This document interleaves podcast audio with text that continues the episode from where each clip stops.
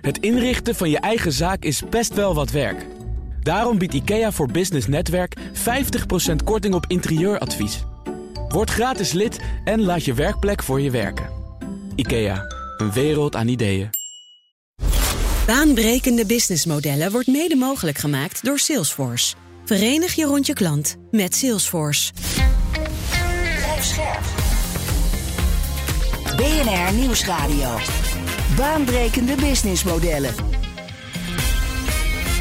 John en Patrick. Naam van jullie bedrijf. Lens Online. Is het wel handig om te ondernemen met een goede vriend? Eerlijk het beste wat er is. Wat in maximaal drie zinnen jullie groeistrategie samen? Uh, wij zijn een servicekanon. En wij bieden lenzen aan aan eerlijke prijzen. Wij pretenderen de beste oogzorg te geven van de Benelux. En beste Luc, welk probleem lossen jullie eigenlijk op? Wij zorgen ervoor dat mensen die uh, slechtziend zijn weer goed kunnen kijken.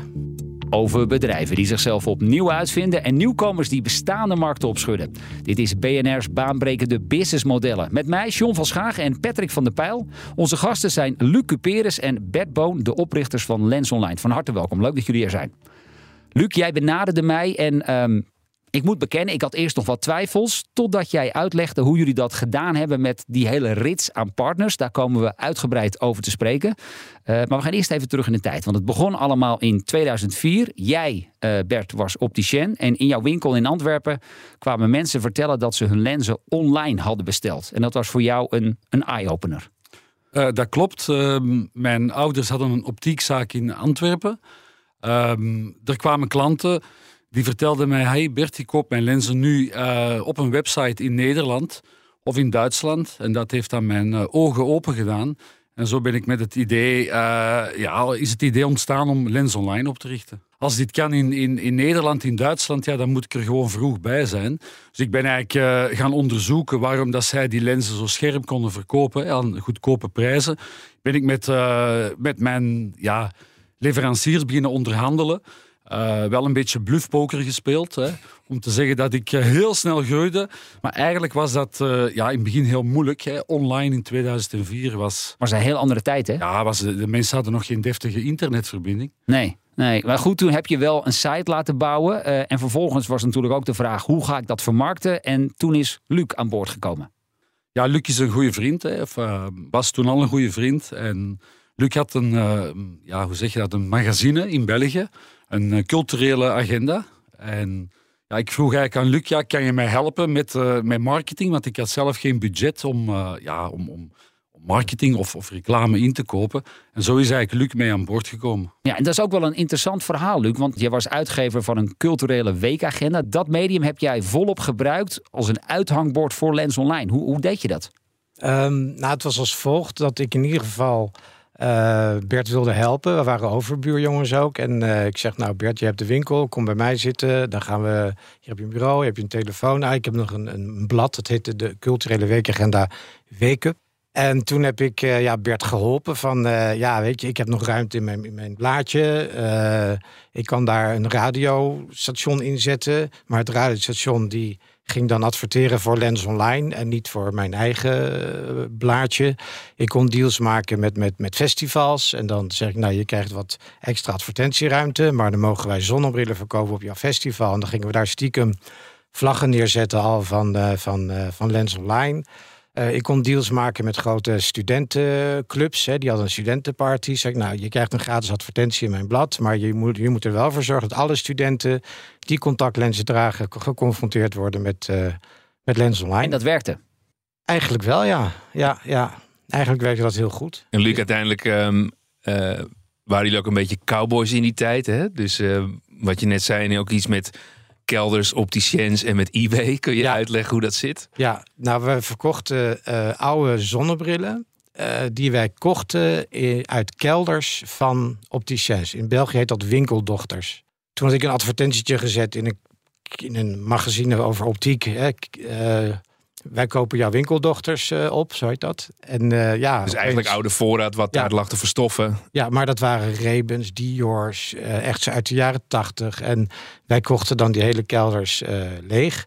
En die gingen we toen verkopen ook op festivals, maar ook op eBay. Ja. En op eBay was dat een bom. Nou, wij in onze Citroën Berlingo door België rijden. die auto helemaal vol stouwen. Nou, weet je, hier heb jij 1000 euro. Geef ons die 800 brillen. Hè, dan ben je er vanaf. Kan je lekker uit eten.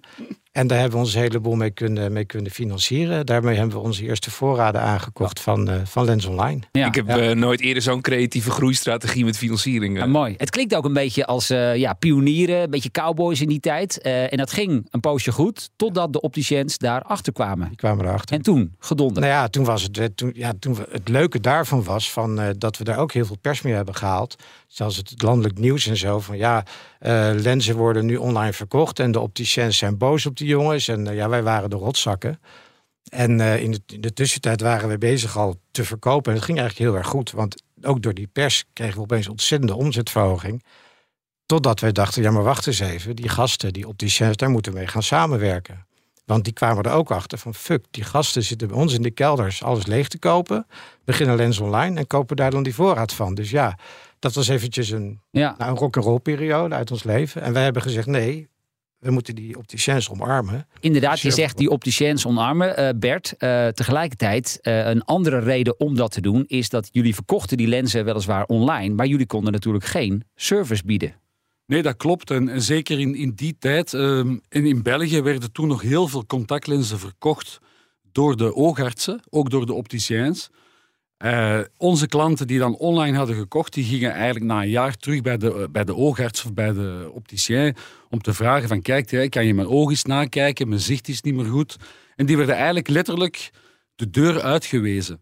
En zo is eigenlijk het idee ontstaan. Ik Want denk, ze zeiden, ga maar naar het bedrijf dat jullie deze lenzen verkocht ja, heeft. als jullie die lenzen bij Lens Online kopen, ja, dan moet je daar ook aan de deur gaan kloppen. En dat was voor jullie ook weer een moment waarop je dacht... hé, hey, we moeten misschien wel met die opticiens gaan samenwerken. Ja, klopt. Toen is het idee ontstaan, ik denk dat was ja, 2009, 2010, van hoe kunnen we nu eigenlijk die online klanten die lenzen hebben gekocht, hoe kunnen we die de juiste service bieden? Want als we die juiste service niet kunnen bieden, ja, dan gaan die ook stoppen met lenzen dragen. Dus eigenlijk hadden wij die opticiens nodig, maar langs de andere kant hadden wij ook al een mooie database van klanten opgebouwd. Dus wij gingen naar een zelfstandige opticien, zeiden van kijk, wij hebben in jouw regio 500 klanten die lenzen dragen, die kopen die vandaag bij Lens Online. Als wij gaan samenwerken, gaan we die 500 klanten activeren om terug bij jou in de winkel te krijgen. Niet voor de lenzen af te halen, maar vooral voor de zorg. Vooral voor de lenscontroles, het opmeten van de sterkte enzovoort. En, en hoe doe je dat dan met de winstverdeling, met de opbrengsten? De opticien koopt bij ons geen lenzen in.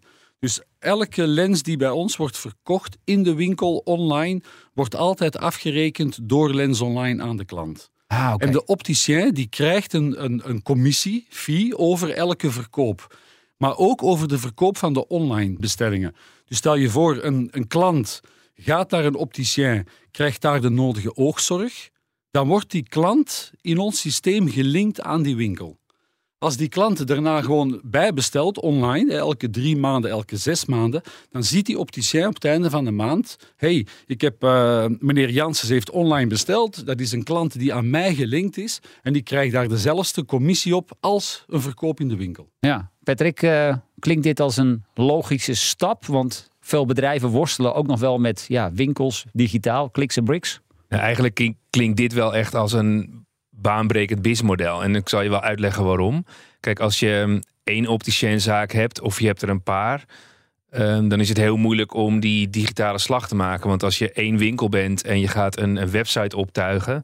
dan is het navenant de kosten die je moet maken... Um, loont het veel minder goed uh, om te zien dat je daar de inkomsten ook uit gaat halen. Als je meerdere vestigingen hebt, dan is ook de vraag: ja, maar als we dan rechtstreeks die klanten gaan verkopen via het hoofdkantoor. hey, um, als ik de winkel heb in Amsterdam, hoe krijg ik daar dan profijt van? En het model wat, uh, wat zij hier hebben gekozen met Lens Online, dat is dan heel erg slim. Omdat je dan één, zorgt dat die bestaande winkels ook de voeding krijgen van de klanten. En die bestaande winkels hebben het echt heel zwaar. Want die zaten traditioneel in de winkelstraten. Daar kwamen de mensen voorbij lopen. Nou, je weet hoe weinig mensen nog in de winkelstraten lopen. Dan is het andere punt, ehm, zij zorgen dan dat die klanten eh, die winkels inkomen.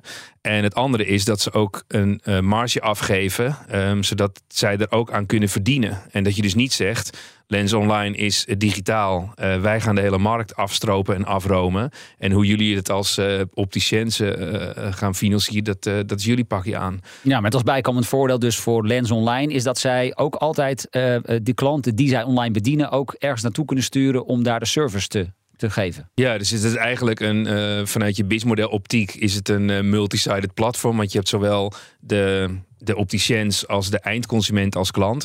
Alleen het slimme daarvan is dat je ook heel goed weet wat die retailers kunnen en waar ze de zorg kunnen leveren. En dat je dus ook heel goed weet wie die klanten zijn. Want dat blijft niet ergens uh, tussen wal en schip. Ja. Luc, ik kan me voorstellen dat als jullie met een nieuwe opticien uh, in gesprek gaan in een bepaalde regio waar jullie misschien nog niet uh, vertegenwoordigd zijn, dan zal een vraag van hem of haar zijn: ja, wat gaat het mij opleveren? Wat, wat kun je zo iemand dan vertellen? Ja, ik heb wel een beetje een stokpaardje. We hebben een, een partner in Leuven zitten. Uh, dat is in België? In België. En die, uh, toen hij met ons begon, was zijn lensomzet nou, rond de 3000 euro. Uh, nou, ik per durf maand? te zeggen per maand. Ik ja. durf te zeggen dat het nu rond de 40.000 euro per maand is. Van 3 naar 40. Ja, en, en ook nog eens een keer, ja, die mensen moeten allemaal een brilletje hebben. Ja. Dus wij zijn van die traffic generators. Ja, dat is, dan is het wel zo dat hij misschien in het begin wel één stap, twee stapjes achteruit moet gaan. Maar ja. ja en hoeveel van dit soort partner opticiens heb je inmiddels? In Nederland 80. Nederland ongeveer een, een 80. Um, in, in België, vooral in Vlaanderen dan, zitten wij ook met een uh, 85 uh, optiekpartners. Daar hebben we ongeveer een geografische dekking. Uh, Nederland zitten we eigenlijk ongeveer halfweg. Hè. We hopen te kunnen doorgroeien naar een 140, 150 uh, partners. Ongeveer 100.000 inwoners per partner rekenen wij altijd. Uh, wat we wel merken in Nederland is dat er uh, een, een, consolidatie is van zelfstandige optiekzaken die worden overgenomen. En dan zie je uh, ja, groepen als uh, Pearl en iWish en, en Specsavers die ook proberen zelfstandige opticiens om te draaien naar hun concept. Dus het aantal zelfstandige opticiens in Nederland is, is vandaag nog ongeveer 900. Ja, Als je, je dat ziet... vergelijkt met België zit je op 2000. Oh, wow. Ja, je ziet dat wel dat traditioneel gezien vanuit die opticienwereld had je natuurlijk de glazen die je zelf kon um, uh, slijpen. Uh, en uiteindelijk ook de monturen die je kon verkopen. Er zaten goede marges op. En je ziet dat de afgelopen jaren in Nederland dat minder is geworden. Plus een aantal ketens die er tegen veel lagere bedragen aanbieden. Is dat een overlevingsstrategie. Maar Bert, één vraag daar wel over. Want het was traditioneel gezien ook dat de opticiens zeg maar, de, de glazen zelf uh, slepen. Want daar zit voor hen een verdienmodel en de monturen verkopen. Maar hoe zat dat dan met lenzen? Want um, kon een opticien zelf ook uh, lenzen fabriceren of slijpen? Of, of... Nee, de, uh, contactlenzen worden eigenlijk gemaakt door vier grote fabrikanten in de wereld. Hè. Je hebt de Johnson Johnson, je hebt de Novartis, dan heb je Cooper Vision, Bausch Lomb zijn eigenlijk, die hebben 90% van de contactlenzenmarkt uh, wereldwijd. Dus opticiens die kopen, gelijk dat Lens Online contactlenzen inkoopt bij die fabrikanten.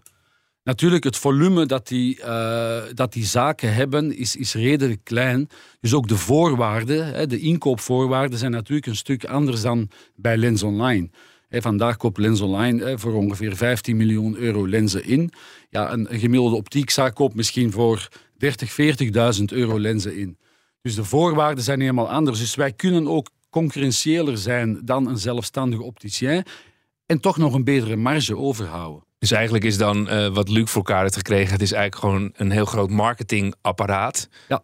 Um, waar je zeg maar um, een slimme toepassing hebt door het ook goed in te kunnen kopen en dan via de ja. klant. Ja. En vooral ook de marketing. Hè. Ik denk uh, als, als zelfstandige opticien, hè, je gaf het ook aan, je moet een website bouwen. Website bouwen is één, maar je website onderhouden, hè, je marketing, je SEO, je SEA-campagnes opzetten, ja, dat is een vak apart. Dat is iets dat permanent ook uh, verandert. Je moet dat blijven opvolgen. Daar hebben wij een heel team voor. Werken we ook met externe bedrijven. Dat kan je als eenmanszaak of als uh, kleine zelfstandige niet meer doen. BNR Nieuwsradio. Baanbrekende businessmodellen. Met deze keer de groeistrategie van Lens Online. Zometeen meer, maar nu eerst een businessmodel uit de Verenigde Staten. In de schijnwerpers gezet door Remy Gilling van AI.nl. En dat bedrijf heet DoNotPay.com. En dat is feitelijk de eerste AI-gedreven robotadvocaat. Die voor consumenten op dit moment nog in Amerika allerlei ja, kleine geschillen met het gerecht gaat aanvechten voor je. Dus als je uh, een ruzietje hebt met de gemeente over een parkeerticket, of je hebt uh, een bepaalde rekening te laat betaald, dan hoef je niet zelf meer in de pen te klimmen, maar dat doet DoNotPay.com voor jou. Nou, grote vraag natuurlijk bij dit soort oplossingen. Hoe goed is die AI inmiddels? Nou, de geluiden die je daarover hoort verschillen nogal, vertelt Gieling. Maar ze waren zelf enorm te spreken over hun eigen dienstverlening. Ze waren zelfs zo overtuigd dat hun robotadvocaat ja, kundig is in de, in de rechtszaal, dat ze een verkiezing hadden uitgeschreven, of eigenlijk een soort van challenge hadden uitgeschreven. Namelijk de eerste advocaat die de transcript van hun robotadvocaat één op één zou voorlezen in een fysieke rechtszaal, die zou, die zou ze een miljoen dollar betalen. Wat was er aan de hand namelijk? Ja, die robotadvocaat die mag nog niet in de Amerikaanse rechtbanken daadwerkelijk gaan pleiten. Dus voorlopig wordt hij vooral ingezet om per briefcorrespondentie dingen voor je op te lossen. Nou, zij dachten dus, als wij nou die robotadvocaat, ja, als we een echte advocaat ons transcript laten voorlezen, ja, dan, dan zijn we eigenlijk één stapje dichterbij ja, een systeem wat echt namens AI voor mensen kan opkomen. Ze hebben uiteindelijk besloten om die challenge weer in te trekken. Want ze kregen toch best wel wat commentaar over zich heen uit de, de traditionele advocatuurhoek. Nou, zoiets noemen we dan een eh, geslaagd marketingstuntje. Laatste vraag dan. In hoeverre is deze tool disruptief voor het werk van juristen en advocaten? Zolang het gaat over hele simpele zaken, zijn dit soort algoritmes heel goed in staat om bijvoorbeeld in dit geval bezwaar aan te maken voor parkeerticket of om uh, uh, je rekening over een te laat ingeleverd boek bij de bibliotheek voor je aan te vechten. Nou, bij meer complexe zaken zullen we in ieder geval voorlopig nog gewoon een mensenkennis nodig hebben. Patrick, uh, hoe luister jij hiernaar? DoNotPay.com. Ik denk wel dat de toepassingen voor de ingewikkelde rechtszaken, juist in het research-stuk, ook ongelooflijk veel kunnen bijdragen om in heel korte tijd dat soort informatie te vinden. Remy Gilling dus van AI.nl. Dankjewel. Wij praten verder met uh, Luc Cuperus en Bert Boon. Ze zijn van Lens Online. Um, ja, ik heb eens even gegoogeld op lenzen kopen. En nou, jullie gesponsorde link komt op twee. Uh, qua organic search sta je wel bovenaan. En verder heel veel concurrentie. Hè? We, we hoorden net al een aantal namen. Pearl, Vision, Direct, uh, 123lens.nl. Ja, hoe kun je je nog onderscheiden vandaag de dag, Luc? Wij pretenderen de beste service te geven die er is. Noem eens een voorbeeld. Contactlenzen.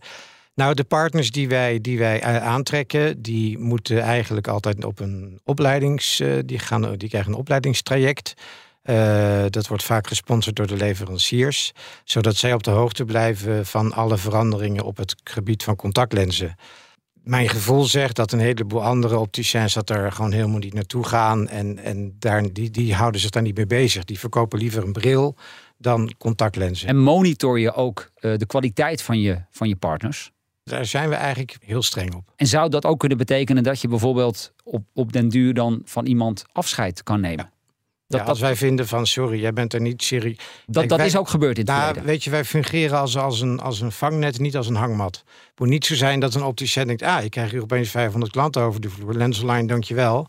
En dat zit. Nee, wij verwachten van onze partners dat ze ook een stap vooruit doen... en bezig zijn met contactlenzen. Op zichzelf is dat niet zo'n groot probleem, want alle partners die we hebben, zijn allemaal partners die ook echt bezig zijn met contactlenzen. Die vinden dat ook ontzettend leuk. Want er zijn ja. ook opticiens van wie jij zegt, ja, die zijn toch meer op de bril gefocust van oudsher. En contactlenzen hangen er misschien een beetje bij. Ja, ja maar van die opticiens hebben we ook wel afscheid genomen. Ja. Dus ik denk dat we nu in, in Nederland toch al zeker van een tien uh, opticiens uh, hebben okay. afscheid genomen. Hey, en helpen jullie die opticiens ook, of misschien doen jullie dat zelf wel... Um, ik kan me voorstellen, als ik nu contactlenzen bestel, dan weet jij als, als verkoper dat ik misschien over een maand of vier, vijf, zes, dat ik weer even op de hoogte moet worden gebracht van het feit dat ik weer contactlenzen moet bestellen. Ik kan me voorstellen dat jullie dat allemaal automatisch geregeld ja, het is hebben. Het is natuurlijk heel raar als jij John, jij bestelt nu contactlenzen.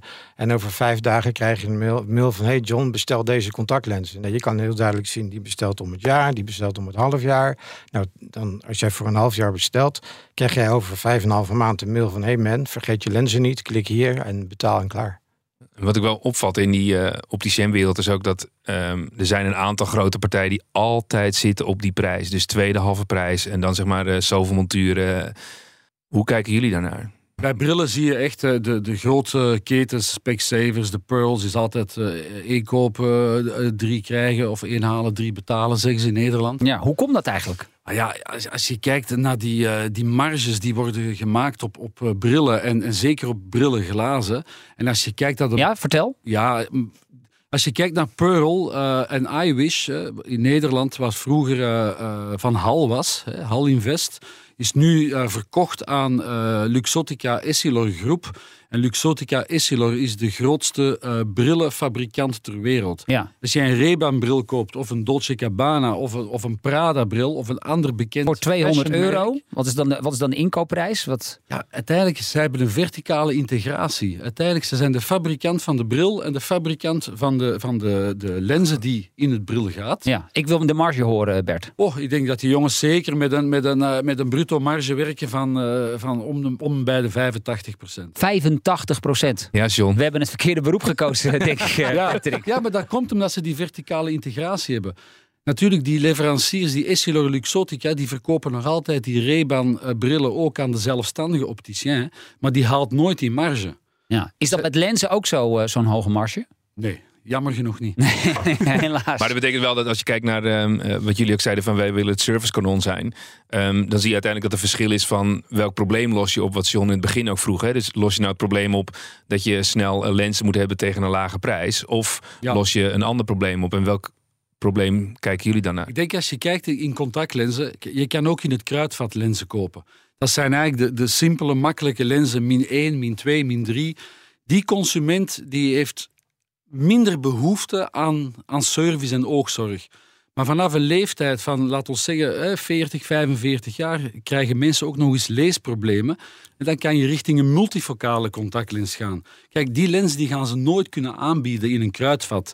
Die gaan ook de meeste opticiens niet kunnen verkopen als ze geen deftige lensaanpassing hebben gedaan. Nu, die ogen die evolueren. Iemand die vandaag 45 is, ja, die heeft een leesgedeelte van bijvoorbeeld plus 1. Maar die gaat binnen twee jaar 1,5 nodig hebben. Dus die sterkte die, die verandert continu. Ja.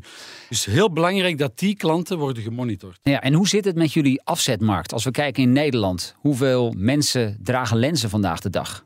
In Nederland uh, zijn ongeveer 1,2, 1,3 miljoen lensdragers. Ja, en nu kan ik mij voorstellen dat dat de komende jaren dat het er alleen maar meer worden. Uh, ik heb drie kinderen thuis en uh, nou, dingetje is altijd wel, ga eens van dat scherm af. Ja, vandaag spreken ze over de myopie-pandemie. Dus het is echt een, een, een, pandemie. Al die kinderen, die jongeren zitten ja, heel de dag hè, voor hun uh, telefoon. Ja, voor en een my myopie is dat min, hè? wordt dan ja, aangegeven. myopie is min. Dus eigenlijk ontwikkelen zij door het feit dat ze permanent dichtbij kijken, ontwikkelen ze eigenlijk een slecht zicht voor ver. En dit wordt... Dus heb, heb jij tips voor mij? Dus als ik uh, zeg maar mijn dochter van 6 uh, 20 minuten op de iPad zit, dan moet ze even naar buiten. Of dan, dan moet ze in ieder geval... eigenlijk op zijn minst 20 minuten gewoon in de verte kijken. Om die ogen te laten rusten. En wat ook heel belangrijk is, dat die kinderen zeker minstens twee uur per dag buiten spelen in natuurlijk daglicht. Dat is heel belangrijk. Ja, maar ik denk ook wel wat Het meespeelt wel is... even een uitdaging dit, hè? Ja, maar ik zie ook wel dat wat meespeelt is dat je uh, je scherm kan je natuurlijk in sterkte weer uh, stellen. Hè? Dus dan kijk je en al dichtbij, plus je schroeft hem op zodat je nog meer licht krijgt. Ja. En ik bedenk mij nu, dat is eigenlijk nog erger. Tien jaar geleden was 55% van, eh, van de bevolking had een behoefte aan een kijkoplossing. Eh, een bril, contactlenzen of eventueel een, een, een andere behandeling, een refractieve behandeling, een laserbehandeling. Vandaag is dat al opgelopen tot 70%. Dat is een, enerzijds een probleem, maar voor jullie natuurlijk een groeimarkt. Ongelooflijke Ja, uitdaging. Ja. Ja. Uh, Luc, laten we ook even kijken naar die toekomst. Want jullie core business is lenzen. Uh, dat is het al 15 jaar, ruim 15 jaar. Maar inmiddels kijk je ook verder dan dat. Lensimplantaten en laseren. Ja. Het uitbreiden van de portfolio. Jullie hebben inmiddels ook een oogkliniek overgenomen. Um, wij willen gewoon de, de, de, onze klanten van het begin tot helemaal het einde helpen om oogzorg te bieden. En op een goed moment gaan mensen ook nadenken van ja, misschien wil ik wel eens gaan lezen, misschien wil ik wel eens een implantaat doen. Uh, op welke manier moet ik dat doen? Uh, help, wie kan me daarmee helpen? Nou, daarom gaan wij met Lens Online expertisecentra openen. In die expertisecentra kunnen klanten terecht voor vragen van ik wil eens gaan kijken of ik wil gaan lezen of, of implantaten gaan doen.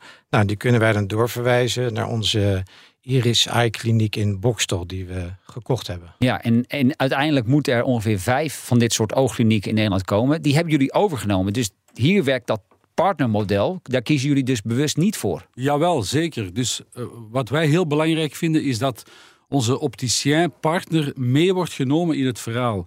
Omdat je vandaag ziet dat eigenlijk tussen de optiek en de oogheelkunde dat dat twee verschillende werelden zijn.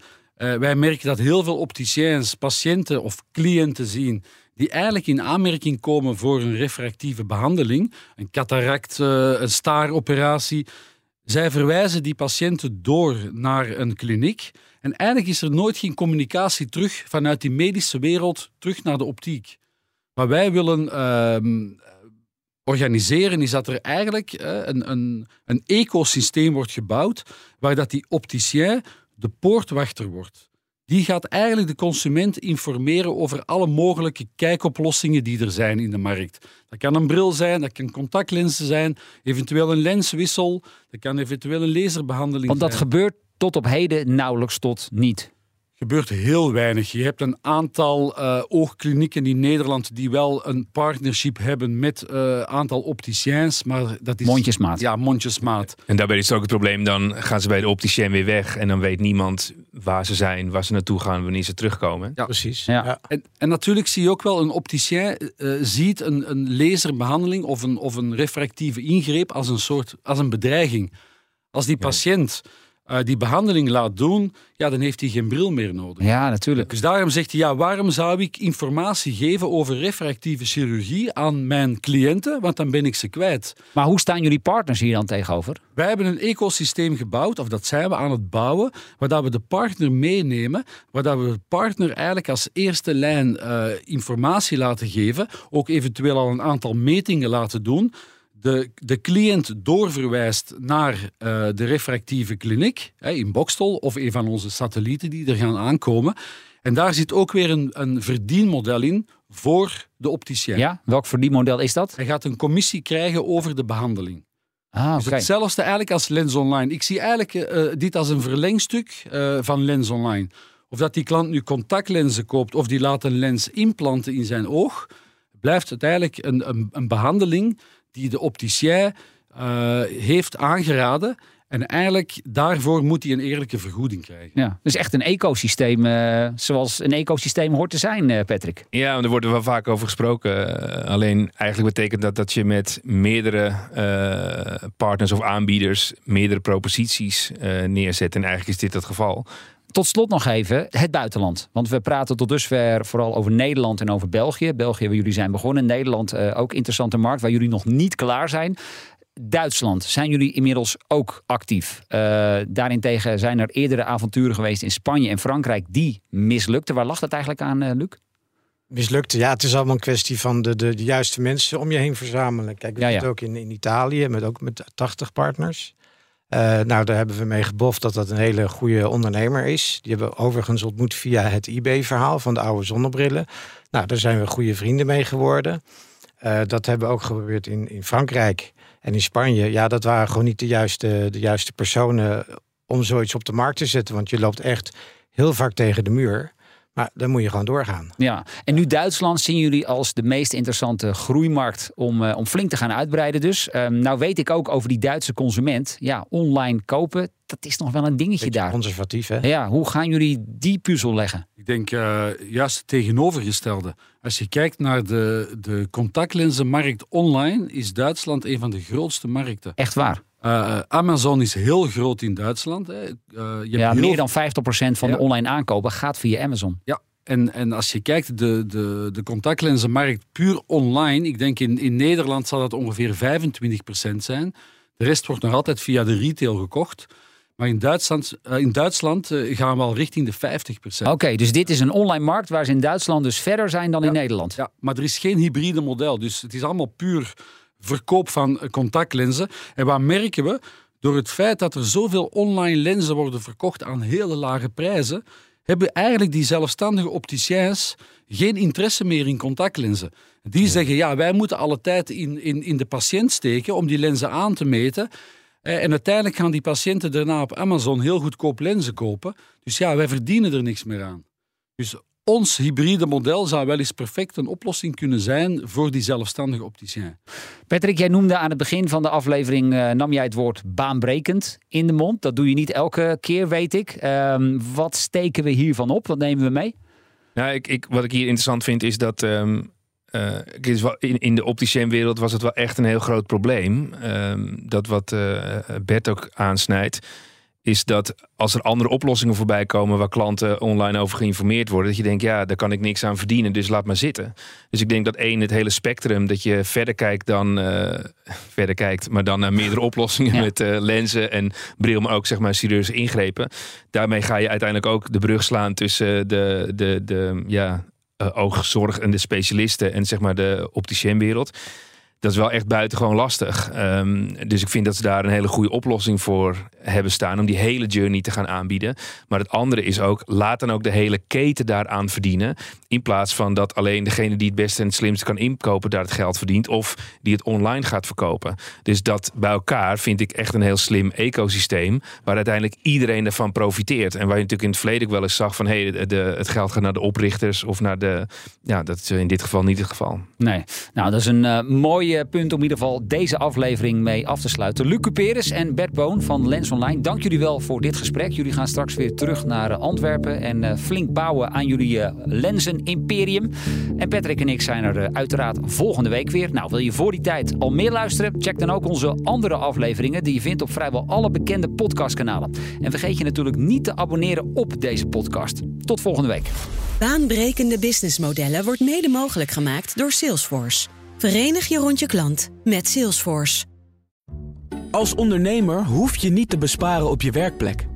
Want IKEA voor Business Netwerk biedt korting op verschillende IKEA-producten.